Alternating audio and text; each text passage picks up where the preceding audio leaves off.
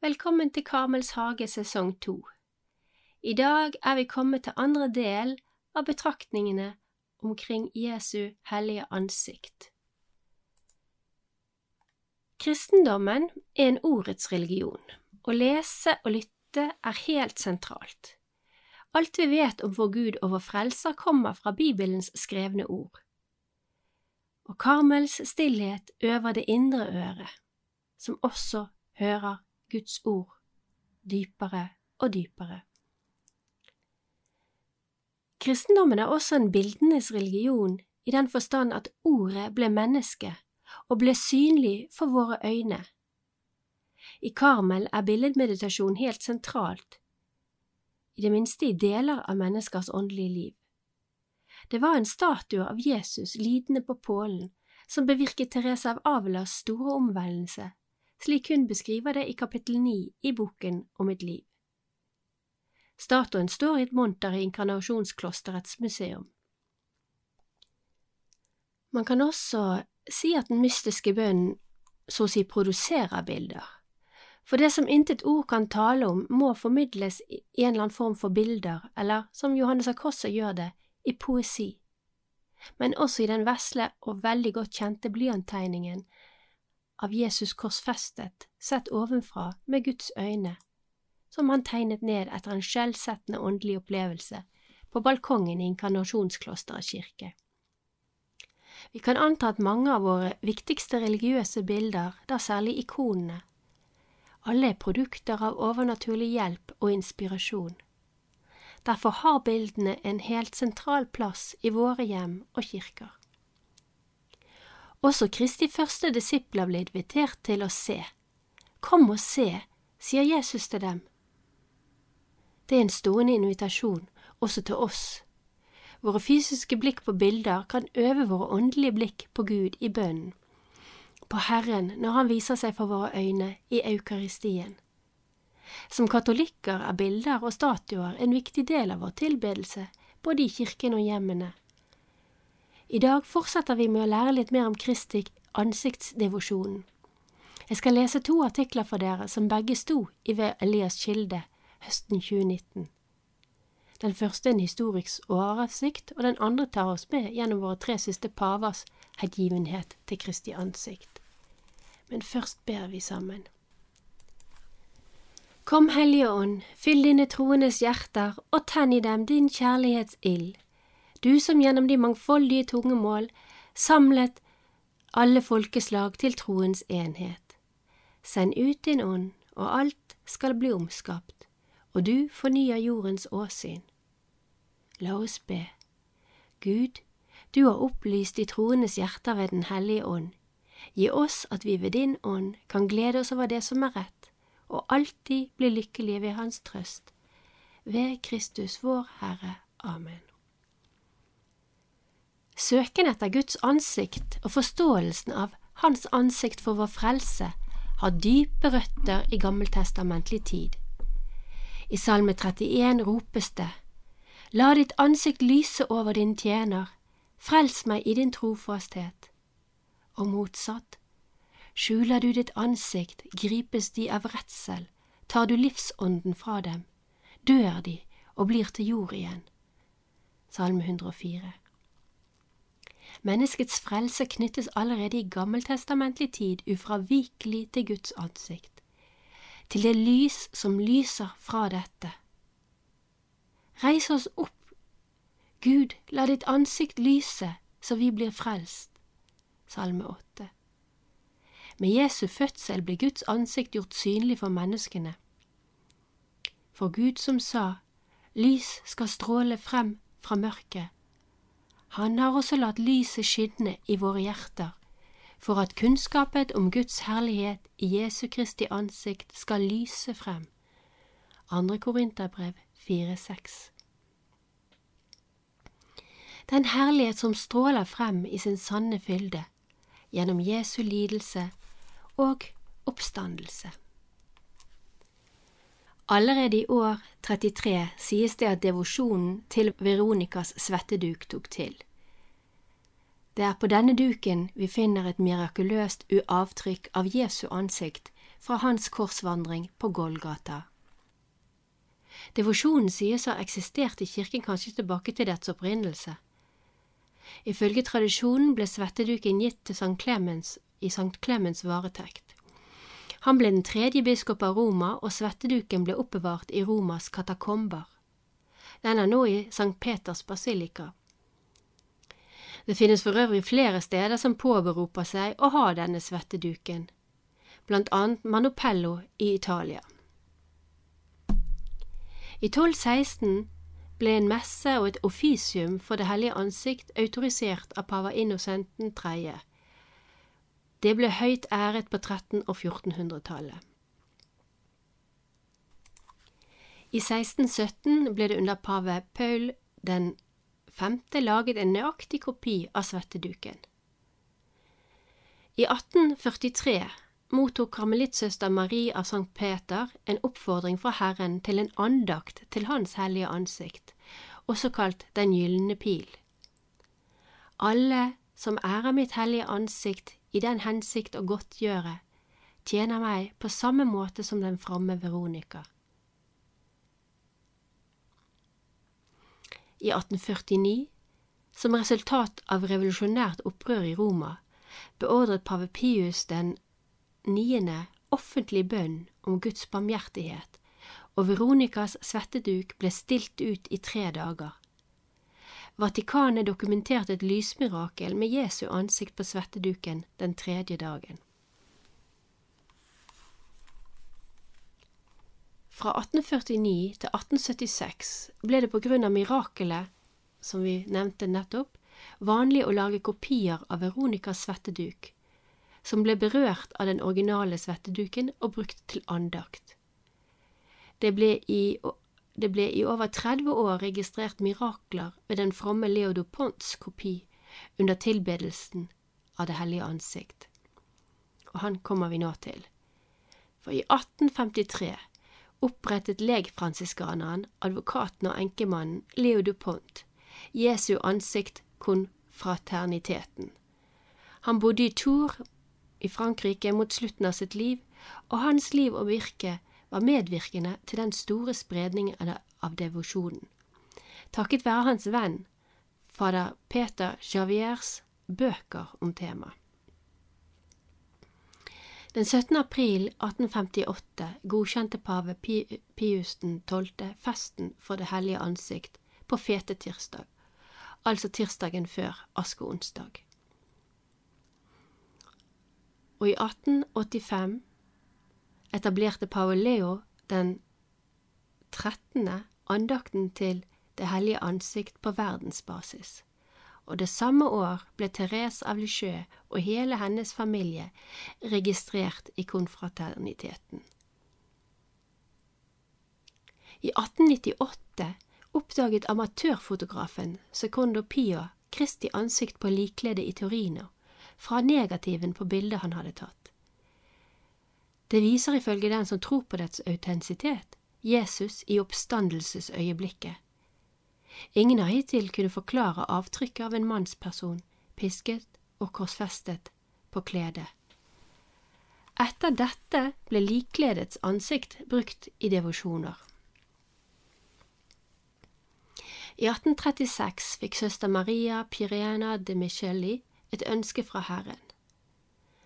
Og han sa, Jeg vil at mitt ansikt, som reflekterer min sjels dypeste smerte, mitt hjertes sorg og kjærlighet, skal bli mer æret. Den som kontemplerer meg, trøster meg. I 1997 ba Johannes Paul 2. om en internasjonal kongress for å studere ordene på Moder Maria Pienas medaljong, som en forberedelse til årtusenårsfeiringen, som han senere feiret under tegnet, og jeg sier det på engelsk, The Radiant Sign of the Face of Christ, altså Kristi ansikts strålende tegn. Så det var i det tegnet årtusenårsfeiringen sto.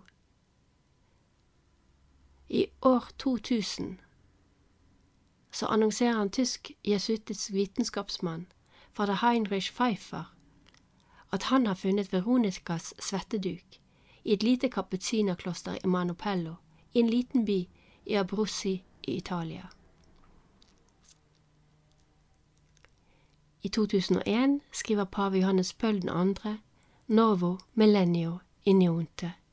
I kapittel to, Et ansikt å kontemplere, skriver han. Og det er kirkens oppgave å reflektere lyset fra Kristus i hver eneste historiske periode, og la Hans ansikt skinne også for det nye årtusenets generasjon. Vårt vitnesbyrd vil imidlertid være håpløst utilstrekkelig om vi ikke selv først har kontemplert Hans ansikt. I september 2006 besøker pave Benedikt bildet av Jesu ansikt i Manopello.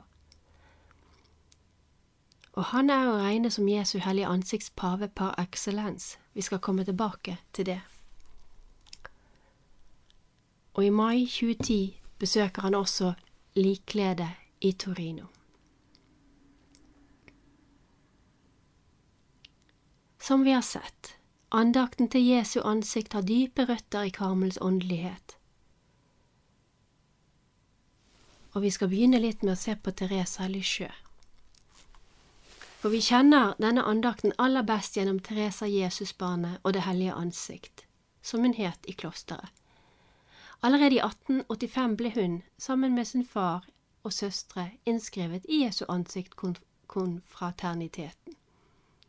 Så viktig er denne andakten at hun på sin ikledningsdag tok Det hellige ansikt inn i sitt klosternavn. Og hennes søster Celine påpeker senere at man ikke kan forstå Therese om man ikke forstår andakten til Jesu hellige ansikt. Det var nok hennes søster Pauline i Karmelkalt moder Marie Agnes av Jesus, som inspirerte henne. Og hun skriver selv i sin selvbiografi. Den lille blomsten som var blitt omplantet til Karmelberget, skulle springe ut under korsets skygge. Jesu tårer og blod ble dens dugg, og det guddommelige ansikt, sløret av tårer, ble dens sol. Inntil da hadde jeg ikke målt dybden av den skatt som er skjult i Jesu hellige ansikt. Det ble du vår kjære moder, som skulle lære meg dette. Det er Teresa Alisjø som ifølge Josef Ratzinger reiser denne høyst vanlige 1900-talls andaktsformel til nye høyder. Det Therese gjorde, gjennom hennes blikk for Jesu barmhjertige kjærlighet, er å løfte denne like inn i kirkens hjerte. Therese befrir offerteologien og den stedfortredende lidelse og soning fra det strenge og loviske.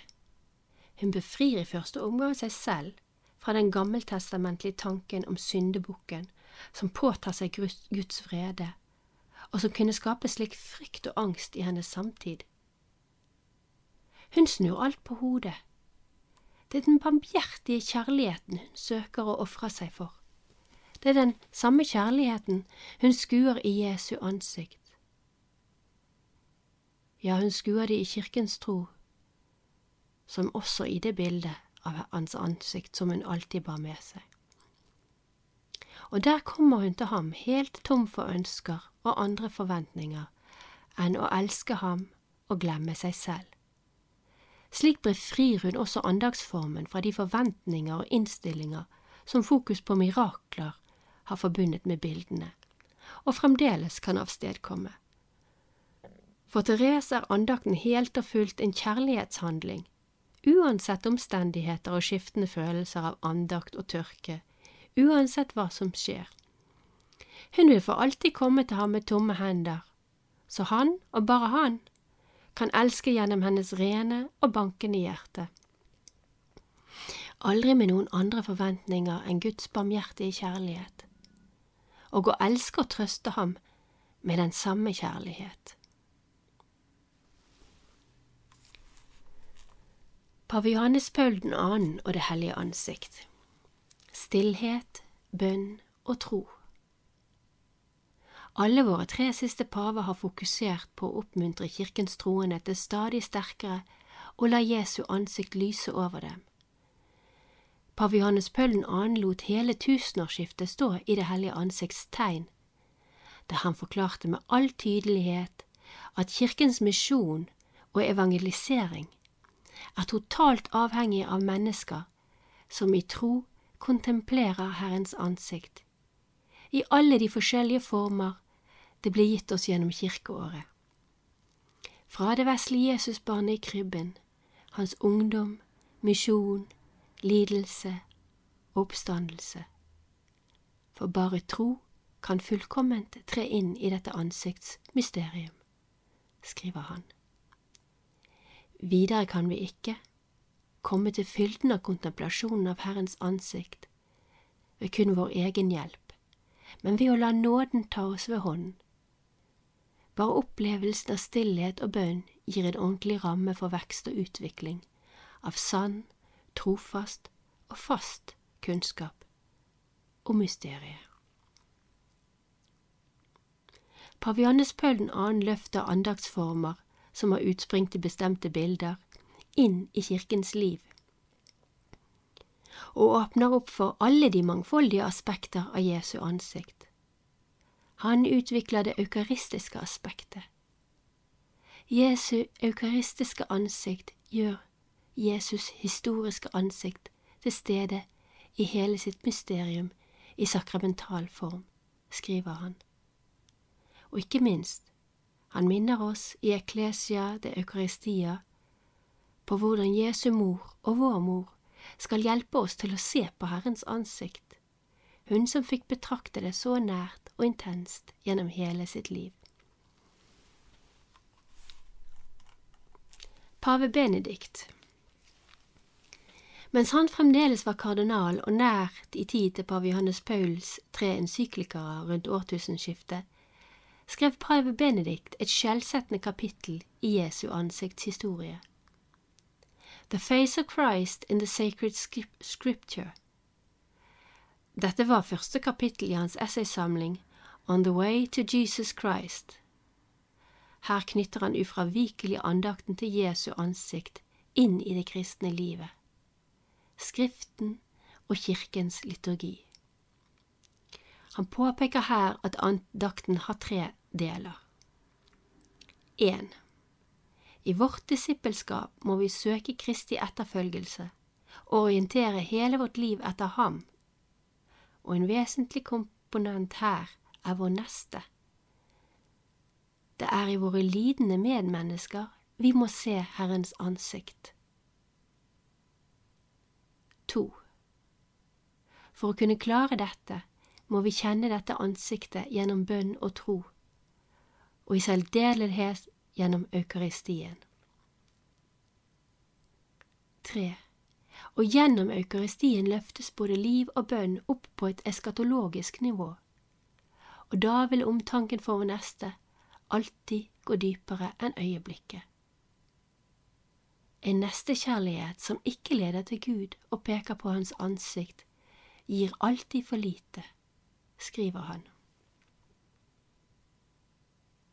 Pave Frans På et slags vis trekker pave Frans med sitt barmhjertighetens år en sirkel tilbake til de prekonsiliære andagsformer, som alle tar enten utgangspunkt i eller har resultert i bilder.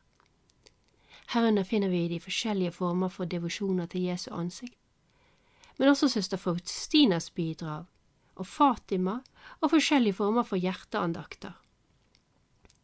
Han lar ikke én av andaktene få forrang, men trekker dem alle inn mot deres felles kjerne, Kristi barmhjertige kjærlighet. Det er jo selvsagt altfor tidlig å uttale seg om hans pontifikat, men det kan se ut til at hans program, snarere enn å skrive om Jesu ansikt, som hans to forgjengere har gjort så vakkert, nå prøver å inspirere troende til å være Jesu ansikt i møte med mennesker, slik vi faktisk er kalt til å være det. Hva så med oss? Andakten til Jesu hellige ansikt er radikal og høyst aktuell. En verden i brann roper etter Kristi barmhjertighet, konkretisert gjennom mennesker som ansikt til ansikt med sin Gud, antennes av Hans kjærlighet, som er modige, villige og åpne. Kristi ansikts mange fasetter krever i Kristi etterfølgelse alltid at også vi er villige til å ta opp våre kors og la hvetekornet falle til jorden. Hans ansikt trygler om sjeler som vil si ja til å ta imot mysteriet, som ikke lar seg avskrekke eller snur seg vekk i avsky over synet av Jesus, forslått og torturert. Hele den karmelittiske praksis dreier seg jo om å sitte stille og lenge, ansikt til ansikt med ham vi vet elsker oss. Det dreier seg om ham, om å behage Herren, som Teresa av Avila sier det, eller om å trøste ham, slik Teresa uttrykker det. Å vende seg mot Jesu ansikt vil alltid være et underfullt bytte. Å elske Hans vansirede ansikt, som ble slik fordi han ble synd, vil alltid helbrede våre egne vansirede ansikter, vansiret av vår egen synd. Å tørre å se på Herrens ansikt er også å tørre å stille seg frem som synder, akseptere våre kontinuerlige behov for helbredelse. Som vår hellige Johannes av Korset så vakkert beskriver det. Guds blikk fører til fire gode virkninger i sjelen, nemlig at det renser, forskjønner, beriker og opplyser liksom solen med sine stråler, ikke bare tørker og varmer ting, men også gjør dem vakre og lysende. Når vi blir så vakre, øker det Guds kjærlighet til oss, og han skriver videre. Når sjelen er tiltalende i Guds øyne, drives han til å skjenke den mer nåde, fordi han er så tilfreds der han bor i den. Og slik blir det bedende mennesket med Guds hjelp, del i hans guddom, gjennom deltakelse, og blir også opphøyet til å hjelpe ham i det som ennå gjenstår av Kristi lidelser. Den verdens synd og ondskap som, som han kontinuerlig lider under. Å elske hans ansikt er å gjøre den samme barmhjertighetsgjerning mot ham som Veronica gjorde ved å gi ham en duk til å tørke sitt svette, blødende, nedspyttede ansikt i. Dette fortalte han til søster Marie St. Pierre. Vi tror ikke kun på en historisk Jesus. Nei, vi tror på en levende Jesus. Vi lever i en kirke som gjennom liturgien levendegjør Kristi død og oppstandelse i hver eneste eukaristi, som tror at hvert eneste menneske, til alle tider, gjennom kirken, får ta del i det drama som utspant seg i historisk tid. Vi tror derfor at vi kan trøste den lidende Kristus, stille hans tørst fra korset etter sjeler ved våre troshandlinger, det være seg bønn eller nestekjærlige handlinger. Vi tror på Guds rike, som alltid er blant oss, uavhengig av tid og rom, og på en Herre som lengter etter oss, som lengter etter våre kjærtegn og gleder seg over lindringen fra dem. Slik vi kan tenke oss at en syk mor gleder seg over det vesle, avhengige barnet, som stryker sin mors feberhete panne. Derfor ber vi om rene hjerter. Derfor ber vi om å bli små som barn. Derfor går vi regelmessig til Skriftet, gjør våre kristne plikter mot hverandre, så vi kan komme til Herren, elske Hans hellige ansikt og trøste ham. Gud være lovet i all evighet. Amen.